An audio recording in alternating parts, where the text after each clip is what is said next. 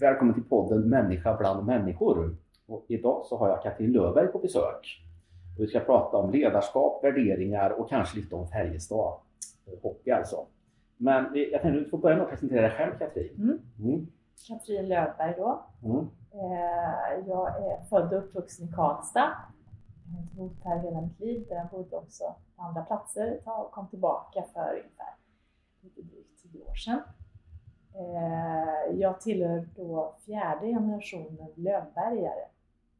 Det var min farfars far som var med tillsammans med sina två bröder och grundade Löfbergs 1906.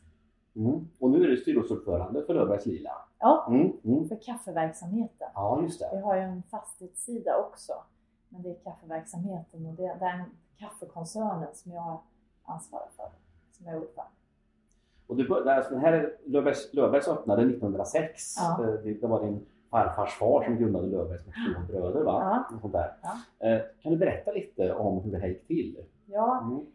man började, de började jobba i butik, de här tre bröderna. Och de såg vad svårt det var att få upp varor hit till Värmland. Eller det, var, det var inte så enkelt just det här med eh, speciellt varor som kom långt ifrån i världen och skulle importeras. Och, så man startade en eh, importverksamhet egentligen med eh, alla möjliga olika produkter, både från Sverige men också framförallt importerat utomlands ifrån.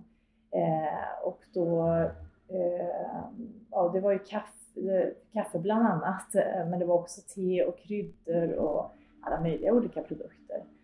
Eh, och sen 1900 11 så började man rosta kaffet själv. Innan det så sålde man ju kaffet orostat och man rostade i hemmen. Man rostade lite i butiken också, butikerna också men framförallt i hemmen i, på spisen. Mm. Eh, och, eh, men sen lite senare så, så delades verksamheten upp och då hade man, eh, det var 1927 och då hade man eh, även tagit sig an, man hade agenturen för import av Citroën-bilar som var Jaha. lite udda då mm, mm. jämfört med de andra varorna. Eh, men då tog de tre bröderna en varsin del. En tog eh, bilverksamheten, Citroën-bilarna och, en, och min farfars far hade ansvar för kaffedelen då, där han, som var det som han hade arbetat mest med. Och den tredje brodern tog övrig import. Eh, bilarna försvann, bilimporten försvann under 30-talet. Ingen köpte bilar och det var ekonomisk kris. Eh, övriga kolonialvarorna då eh, såldes till, eh, till en annan aktör och det som var kvar egentligen det var kaffedelen sen. Så, så fanns, jag, jag har hört att det fanns olika rostningar också och att en mm. av rostningarna hette lila men det fanns också olika färger. Ja, ja.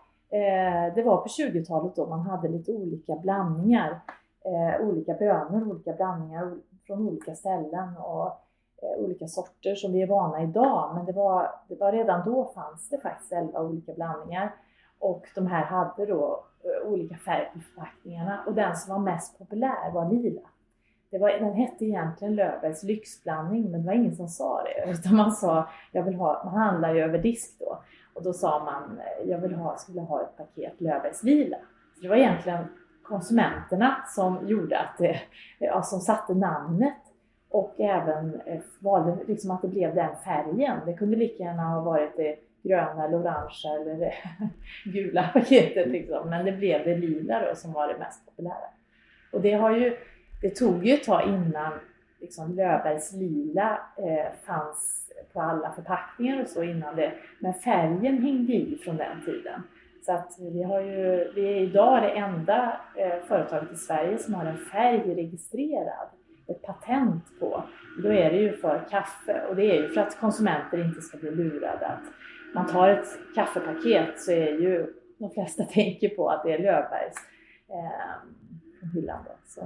och sen har vi den, den registreringen även i Estland, för där är vi också stora. Aha. Mm, ja, spännande. alltså, I kyrkan så är det ju så att, att vi, vi kan säga att vi har tre sakrament. Vi har dopet, vi har nattvarden och så har vi kaffet. Ja. Alltså kaffet är ju ett kitt i vår verksamhet. Ja. Det är så självklart, vi tänker inte på det. Nej. Eh, och jag skulle fråga, du har jobbat med kaffe från och till liksom, och du mm. har det i generna nästan. Alltså, ja. Vad är kaffe för dig? Ja, det är ju ett, ett kitt för mig också på något mm, sätt. Mm. Jag tycker det, det, det du beskriver så som ni ser det i kyrkan stämmer ju egentligen hur kaffet ses som i samhället i övrigt, i vår liksom, kultur. Det är ju någonting mm. nästan en del av vår kultur det här med kaffe. Det finns med hela tiden. Det är, och det är väldigt mycket, eh, tycker jag, kopplat till gemenskap. Eh, för att man samlas kring kaffet på något sätt.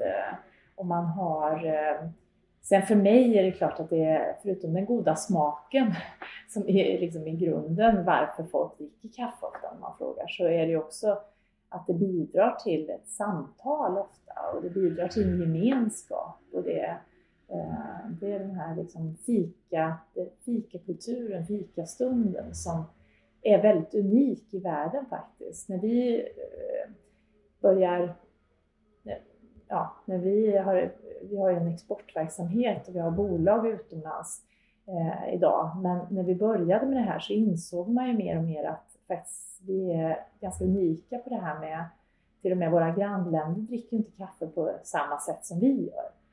Och eh, det är väldigt unikt det här sättet vi liksom samlas kring kaffet. Så det, det är väl någonting som vi, vi ja, jag brukar säga att vi, vi exporterar ju inte bara liksom en en god kopp kaffe eller liksom produkten utan det är också att vi försöker påverka och föra ut liksom ett beteende nästan. Det här med fikastunden. Och det kan jag förstärka. För att, alltså, kyrkan är en internationell verksamhet ja. och vi får ju ofta besök från hela världen. Ja. Och ett av de första eh, orden man lär sig oavsett om man kommer från Tanzania eller England eller vad det är, det är fika. Ja. För de, det, är så, det är så genomgående i vår verksamhet att, mm. att vi har en fika-break i alla arbetsplatser i Sverige. Eh, på förmiddagen och eftermiddagen. Och det här har man väldigt svårt, det är så annorlunda. Så man lär sig fika, ordet fika är och någonting som också sticker ut ja. och som de tycker om ja. utomlands eh, när man kommer hit. Ja. Och även om eh, ett tag så var det ganska ute att säga fika, själva mm, mm ordet. Mm, mm. och sen har ju sättet vi fikar på naturligtvis förändras och eh, hängt med liksom en, en, ja, moderniseras. Och man säger ju ofta idag, ska vi gå och fika? Om unga, unga personer säger det så behöver det inte betyda egentligen att du dricker kaffe. Du kan dricka kaffe eller te eller någonting annat också, men du samlas. Det är nästan själva, själva samlingen och, sättet att sitta ner och samtala som är fikat. Mm. Eh, Medan för en äldre person så är det lika med tecken med kaffe. Liksom. Men jag tror att det här är, det är också en, en, eh, en utveckling av någonting och som som också är väldigt spännande. För det, innebär ju också att vi måste se till att vi är med i framtiden i, som företag då, och kring att, att kaffet har en plats att fylla i det här liksom, eh, nya och moderna och liksom framtidens sätt att, att fika på. Mm, ja, spännande. Alltså, mm. Vi återkommer till detta sen ja. tänker jag med hur, hur framtidens kaffe ser ut och hur vi mm. dricker kaffe 2030. Men, men vi, vi, hade ett ledarskapsseminarium här eh, där du och jag ingick för ett tag mm. sedan och då minns jag att du pratade om det här med värderingarnas betydelse mm. Eh, för, för er verksamhet och att väldigt mycket, du sa då om jag minns rätt, att, att väldigt mycket av de värderingar som ni, alltså mycket av det ni gör bygger egentligen på de värderingar som din farfars far hade. Ja. Kan du beskriva dem? Ja. Mm. Man pratade ju inte riktigt på det sättet om värderingar och värderingsstyrda företag eller något. Det var ju liksom väldigt naturligt att det bara fanns där. Som är mycket, eh, det har ju utvecklats över tid. Men jag tror just att, eh, och det är därför det känns väldigt tryggt för oss att vi, eh, värderingarna för oss är ju inte bara någonting påklistrat eller någonting vi sätter upp på en tavla på väggen och nu ska alla tänka på det här och det här. Utan ehm, till exempel det här med ansvar som är ett väldigt viktigt eh, värdeord för oss eh, i vår värdegrund. Eh, och det är ju att, eh, att liksom värna om människor runt omkring oss egentligen och att ta ansvar för det vi gör idag påverkar framtiden eh, och framtida kommande generationer, nästa generation, nästa generation. Och då är det ju inte bara, självklart inte bara vi som familj, näst, våra nästa generation, utan det är nästa generations eh, kaffebönder, det är nästa generations konsumenter och det är nästa generations kaffedrickare eller anställda. Eller, men just det här liksom långsiktiga perspektivet på att det vi gör idag och, och så som vi, att vi tar ansvar för människor och miljö eh, på ett sätt som gör att det blir en positiv utveckling i framtiden. Och jag tror att eh, det här, det här är ett exempel på ett av värdeorden som just grundar sig väldigt mycket, tror jag, i också min farfars fars engagemang i kyrkan. Med, mm. Han var ju ordförande i Svenska Missionsförbundet i Sverige, så han ägnade ju en del av tiden till företagande men också kyrkan. Och det kommer ju av, och jag tror liksom det här genuina engagemanget för människor och, och eh, samhället runt omkring finns, finns liksom kvar sedan dess. Eh, och, eh, och då är det klart att vid den tiden så var engagemanget väldigt lokalt. Det var ju liksom det man hade möjlighet till. Idag kan vi vara både lokala där vi finns eh, liksom här, speciellt i Värmland, i Karlstad, där vi har huvudkontor och där vi finns, har funnits sedan starten, men också eh, där vi finns med våra dotterbolag, men också där vi köper in kaffet ifrån. Och vi kan vara liksom både lokala och globala när det gäller de här bitarna. Men sen har vi de andra värdeorden också med engagemang och entreprenörskap, professionalitet och långsiktighet som är Eh, men det kommer just, man kan hitta exempel på saker vi har gjort i historien som faktiskt kopplar an till de här värderingarna och värdeorden.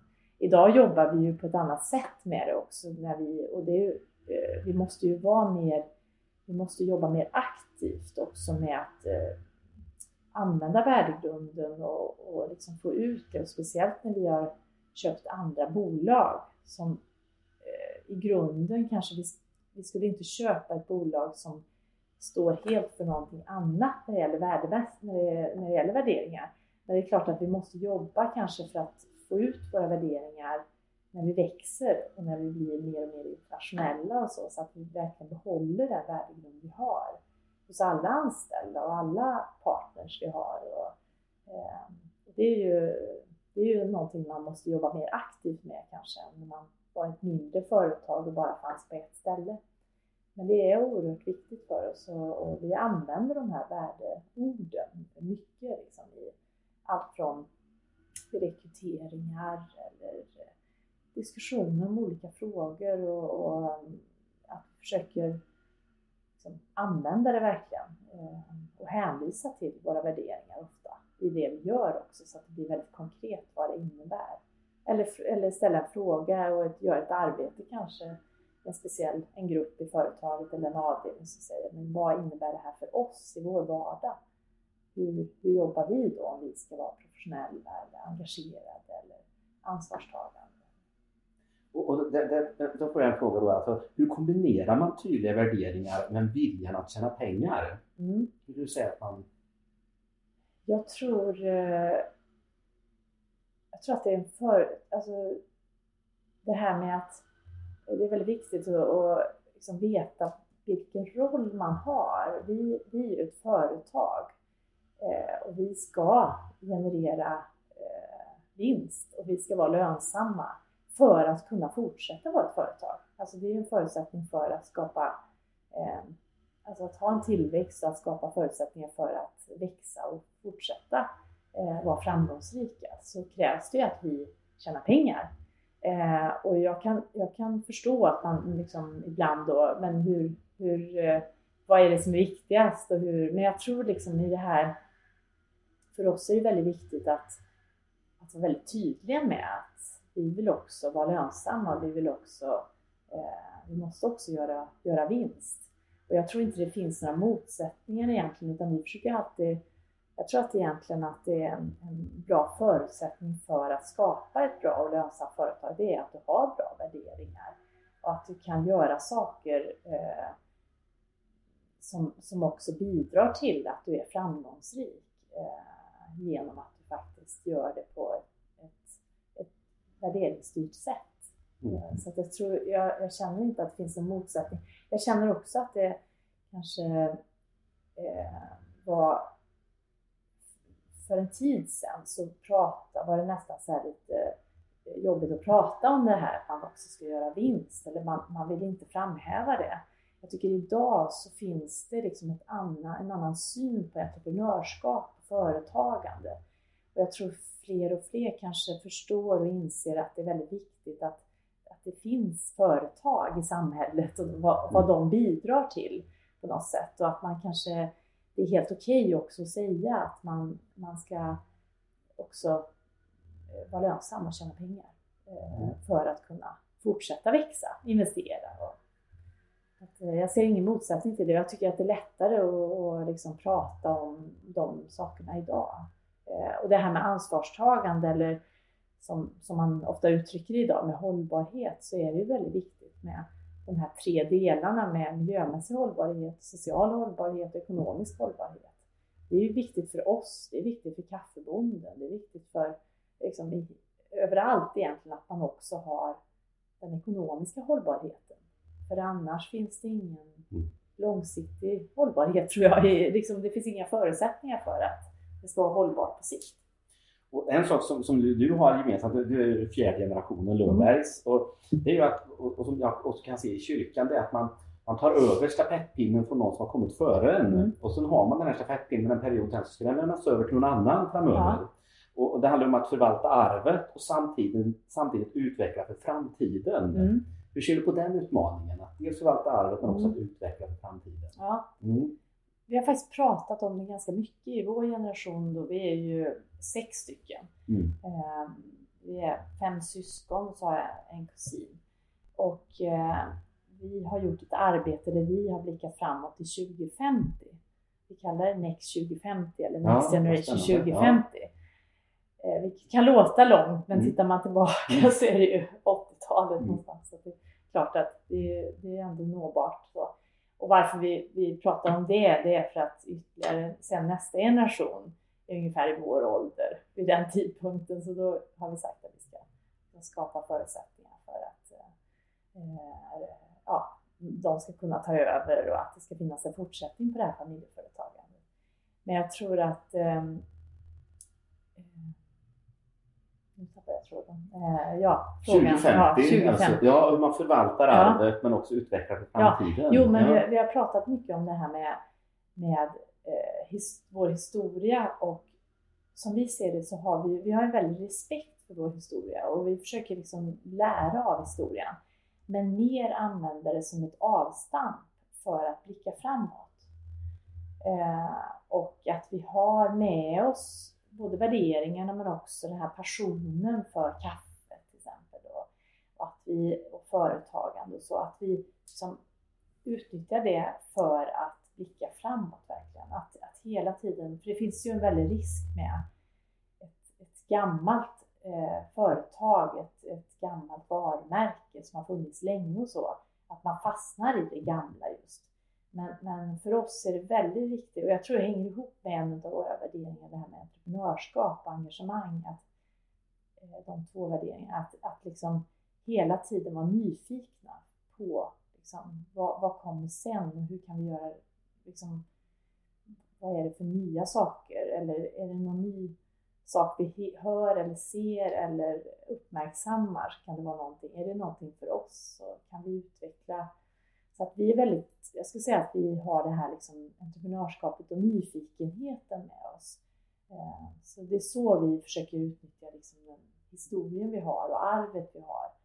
Sen är det klart att det, det är ju, helt ärligt så är det ju, ibland känner man ju bara så att oj, vilket ansvar man har för att det här ska lyckas. Och tänk om man var den som gjorde att det inte fanns, liksom fanns i framtiden. Eller så. Men jag, jag tycker liksom, det är oftast övervägande den här delen att det är väldigt spännande, kul och positivt. Eh, eh, och att eh, jag tror att man ja, mera, mera utifrån det positiva perspektivet, att det är väldigt kul att föra det här vidare och att det inte får bli ett ok.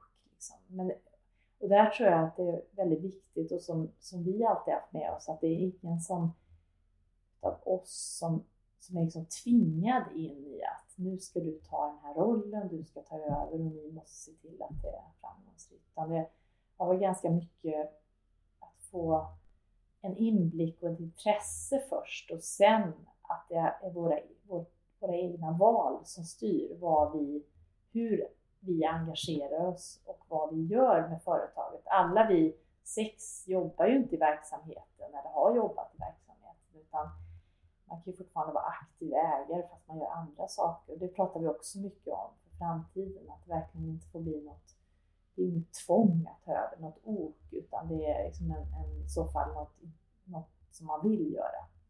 Det tror jag är väldigt viktigt. Mm. Och apropå det här 2050 och 2030, hur dricker vi kaffe i framtiden? Kommer vi dricka på något annat sätt eller? Jag tror ju hela tiden att saker och ting utvecklas. Det tror jag. Eh, det vi ser just nu är ju att man dricker kaffe på eh, man dricker mycket iskaffe och cold, ja, sån cold brew som är bryggt på kallt vatten, kallt vatten under längre tid. Eh, att man dricker, eh, eh, man dricker mycket kaffe på väg, liksom att man har med sig kaffet, eh, kaffe och att man just har de här dryckerna som är färdiga att dricka så att du kan ta med dig eller du kan ha det på resan. Men sen så tror jag att eh, det här engagemanget för, eller intresset för mat och dryck har ju bara ökat och ökat eh, de senaste åren. Och man botaniserar i liksom, allt från, inte bara som det var under en period med att man går på eh, botaniserar i vin eller eh, utan det är också choklad eller salter eller eh, olivolja. Eller, liksom, man kan verkligen liksom grotta ner sig i olika Eh, kunskap kring mat och dryck. Och, och, kaffe har ju lidit lite av att det är en sån, att vi har det med oss jämt och det är en vardagsprodukt på något sätt. Vi dricker det morgon, morgon till kväll, vardag till fest och jämt. Så att, eh, kaffet är ju först de senaste man ser de senaste åren som det här verkliga intresset för liksom, vad, är, vad smakar det? Vad är det för ursprung? Hur är det odlat? Eh, det har ju successivt skett en sån intresseökning kan man säga i samhället och jag tror att det bara kommer fortsätta öka. Man kommer också, eh, som man ser idag, att det finns ett större engagemang för just det här med hur det är odlat och hur människorna har det som faktiskt odlar kaffet. Eh, och att man kan spåra det tillbaka till, liksom, ja men det kommer exakt därifrån, från den eh, kaffebonden eh, och han eller hennes familj. Och att man, liksom, man inser att det är människor, människor bakom, eller i början av den här resan som kaffet faktiskt gör innan det hamnar i en kopp hos oss. Det engagemanget tror jag bara kommer att öka. Så jag tror just det här att man börjar eh, ett ökat intresse för ursprung och, och, smak och så vidare. Men också det att, att man då också kommer ha ökade kvalitetskrav. Att man, liksom, Eh, man bryr sig om att det verkligen ska smaka gott. Sen finns ju de här, den här aspekten med eh, klimatförändringarna och utmaningarna kring att det, eh, det kommer bli brist på vissa kaffesorter och särskilt de här kvaliteterna som vi köper, de, de fina kvaliteterna. Att det, det blir för varmt helt enkelt och vissa områden som idag där man odlar kaffe kommer vara svårt att odla kaffe i framtiden. Och det är ju, det är någonting vi, vi försöker hjälpa till med genom olika utvecklingsprojekt och så här, att man ser till att man kan, där det finns möjligheter, odla mer kaffe där och öka produktiviteten och kvaliteten och få bättre betalt och så att det blir bättre för kaffebönderna där. Men också att man eh, jag tror i framtiden att kaffet kommer vara, eh, att det kommer att kosta mer. Att, att man kommer också värdesätta kaffet lite mer, just för att det också finns brist på eh, kvalitetskaffe. Och, eh, och det tror jag är bra, för jag, jag tycker att egentligen att kaffet är för billigt idag. Jag tycker liksom med den resa som vi gör och det jobb som görs av kaffebönderna runt om i världen. Det är, och sen, sen att vi betalar eh, så lite egentligen för varje kopp. Så tror jag liksom bara vi betalade några ören mer per kopp och var beredda, det är ju inte jättemycket mer vi behöver betala, men om vi hade liksom eh, kunde betala lite mer här så är det klart att, att man får det bättre också i kaffeodlarländerna. Då är vi tillbaka till det här, jag tänker på värderingar ja. också. Ja. Ni var ju eh, eh, väldigt tidigt ute med rättvisemärkt, mm. är det så? Ja. Ni var väl den första större mm. kaffeproducenten som, som var i Sverige som, som hade Fairtrade. Ja. När var det ni började med det? Ja, det var 96. 96, precis. Ja. ja. och, vi var, och vi är ju idag faktiskt vi har ju fortsatt den resan egentligen. Mm. Då mm. var det ju ganska tufft att få in det i butikerna och så för att det fanns ju ingen efterfrågan på, ja då, som det hette då, rättvisemärkt och idag Fairtrade. Mm. Utan man fick liksom trycka in det på något sätt och få gehör hos eh, butikskedjorna. Eh, att, att tycka att det här, ja, men, vi trodde väldigt mycket på att vi måste visa det för mm, att mm. folk ska få intresset av att köpa det och förstå varför man betalar lite extra för att kaffebönderna ska få lite bättre betalt. Och ehm, eh, vi är idag faktiskt en, en av världens största inköpare av både ekologiskt och Fairtrade-märkt, som ja, tidigare hette då rättvisemärkt kaffe.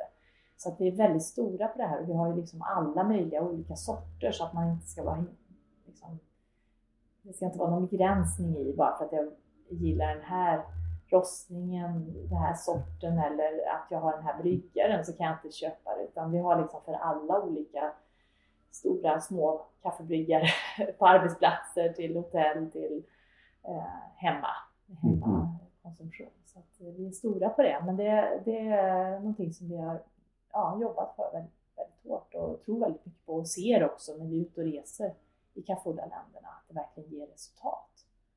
Men när ni började med det här, det måste ha varit lite kärvt i början, ja. 96. Mm. Alltså hur kändes det när det inte sålde och att man inte blev av med det så att säga? Men jag tror det här långsiktigheten då, återigen tillbaka till värderingarna, att vi, vi, vi trodde på det här och har ju en långsiktig, kan ju liksom se att på sikt kommer det vara, vi kommer få gehör för det här och, och det var ju inte bara vi som, utan jag menar Rättviseföreningen då i Sverige och mm, mm. Rättvisemärkt och de som arbetar med det bidrog ju i väldigt stor grad också till att öka kännedomen om det successivt. Men det var ju det var trögt i början, det var det. Eh, och, och, innan vi lanserade det så, så, var det också, vi var ju väldigt noga med att hitta liksom samma, lika bra och lika gott kaffe. Eh, det, det, får ju inte tumma på smaken på något sätt. Att det, det är ingen som kommer köpa det och köpa det igen om det inte smakar gott. Det är ju liksom mm. grunden för allting, allt vårt tänk i alla våra produkter. Eh, och då var det väldigt viktigt att vi verkligen hittade de här kaffebönorna som var både smakade gott och var certifierade då enligt de här märkningarna. Och då, eh, det tog ett tag innan vi gjorde det och sen, men, men det fanns ju också ett, ett, några som hade kanske druckit något med sämre kvalitet som var liksom importerade produkter som var rättvisemärkt och som man tyckte, men rättvisemärkt trodde man var inte gott. Men det hade ju inte med saken att göra Eh, men det tog ett tag att övertyga personer som hade testat det här andra och ja, så smakade ja, annorlunda. Jag vet vad du pratar om, för jag, jag, jag växte upp med det en gång i tiden. Ja. Jag fick smaka det några gånger. Ja. Man kände sig solidarisk men ja. det var inte gott. Liksom. Nej. nej. Och då tror inte jag det blir hållbart. Nej, nej men så är det ju. Så är det ju. Så är det ju. Och, och, nej, men jag tänker, Churchill sa någon gång att success is going from failure to failure without loss of enthusiasm. Ja. Alltså, och det kan ligga någonting i det. Alltså, ja. Succé är att gå från misslyckande till misslyckande utan att tappa sin entusiasm. Ja, att, att, att, att driva, fortsätta att köra. Jo, man måste vara övertygad. Vilket osökt för oss in på frågan om ledarskap. För det var det vi pratade om på det seminariet ja. Eh, för, för något halvår sedan. Alltså, vilka egenskaper tycker du är viktiga för en ledare? Eh, jag tycker man eh, det är viktigt att man är, eh, att man är tydlig, att man står upp för just sina värderingar och att man, eh, alltså det är lite som att vara förälder också, att man, man lever som man lär. det tror jag är väldigt mm. viktigt. Eh, jag tror också att det är eh, viktigt att man ja, har respekt för andra människor att man har en, en, eh, en tro på andra människors förmåga och eh, att man vågar släppa taget och ge andra ansvar. Sen tror jag en egenskap som är väldigt viktig som ledare tror jag är att kunna lyssna också. Att man inte bara bestämmer, pratar, och, utan att man också lyssnar på, på andra och är beredd att inte inte bara säga att man lyssnar utan också lyssna genuint och mm, mm, liksom mm, äkta. Mm. Det är några saker. Mm, mm. Ja, spännande. Eh, jag tänker på, alltså är man styrelseordförande för, för Löfbergs då måste man ju tycka om hockey. Mm. Gissar jag. Alltså, ni, ni, eh, är du intresserad av Färjestad och hur det går för Färjestad? Ja. Följer du, dem så att säga? Absolut. Ja. Eh, där har, vi, har jag, jag har ju vuxit upp med det. Vi är en familj som alltid har gått på ishockey väldigt mycket. Och sen, eh, sen är det klart, när jag inte bodde här under massa år och bodde utomlands lite så här så tappar man väl lite koll på detaljerna så. men, men på något sätt så har ju Färjestad och, och det, det, här lokala har ju, ligger ju varmt om hjärtat. Och det är klart att eh, nu, nu är man ju mer engagerad än någonsin Här när man mm. också är tillbaka i det här sedan tio år tillbaka.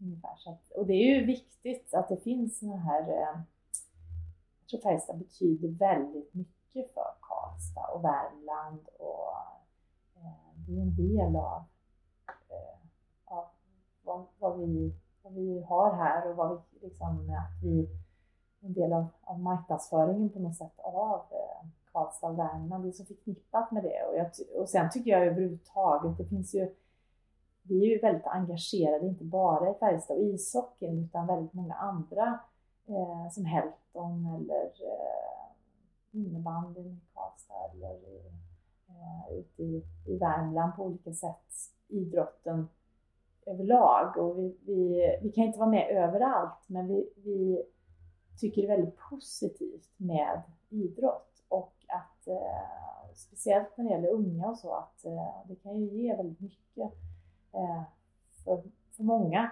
som är från Värmland från början eller inflyttade att komma in i samhället på något sätt och positivt ur hälsoaspekten också så att det, eh, och även där gemenskap väldigt mycket kring de här idrottsevenemangen. Men, eh, men både det och kulturen tycker jag är otroligt viktigt. Eh, kulturen är någonting som jag ser att vi kanske framöver också eh, och vi, vi är engagerade nu i Västan och teater och sånt. Det är också saker som jag tycker är viktigt. Vi kommer inte släppa engagemanget för Färjestad och idrotten men, men jag tycker också att det är väldigt, väldigt viktigt med kulturen i Värmland. Mm. Det är mm. någonting som jag jobbar hårt för att, att vi ska vara engagerade i också. Avslutningsvis Katrin, vad var det för kaffe du drack tror du? Eh, ja, det är ett bryggkaffe, det såg jag. Ja, nu, ja, det där nere. jag tror att det är kanske jubileum. Det var, det var rättvisemärkt var det? Ja. ja. ja. Eh, och det kanske heter jubileum också? Det nej, inte, inte just den sorten. Nej, nej. nej, men det var i alla fall. Det var väldigt ja. gott. Mm. jag var tvungen att säga det. Ja, du var tvungen att säga det. Ja, men, nej, men tack, det för, tack för att du komma. Tack så mycket.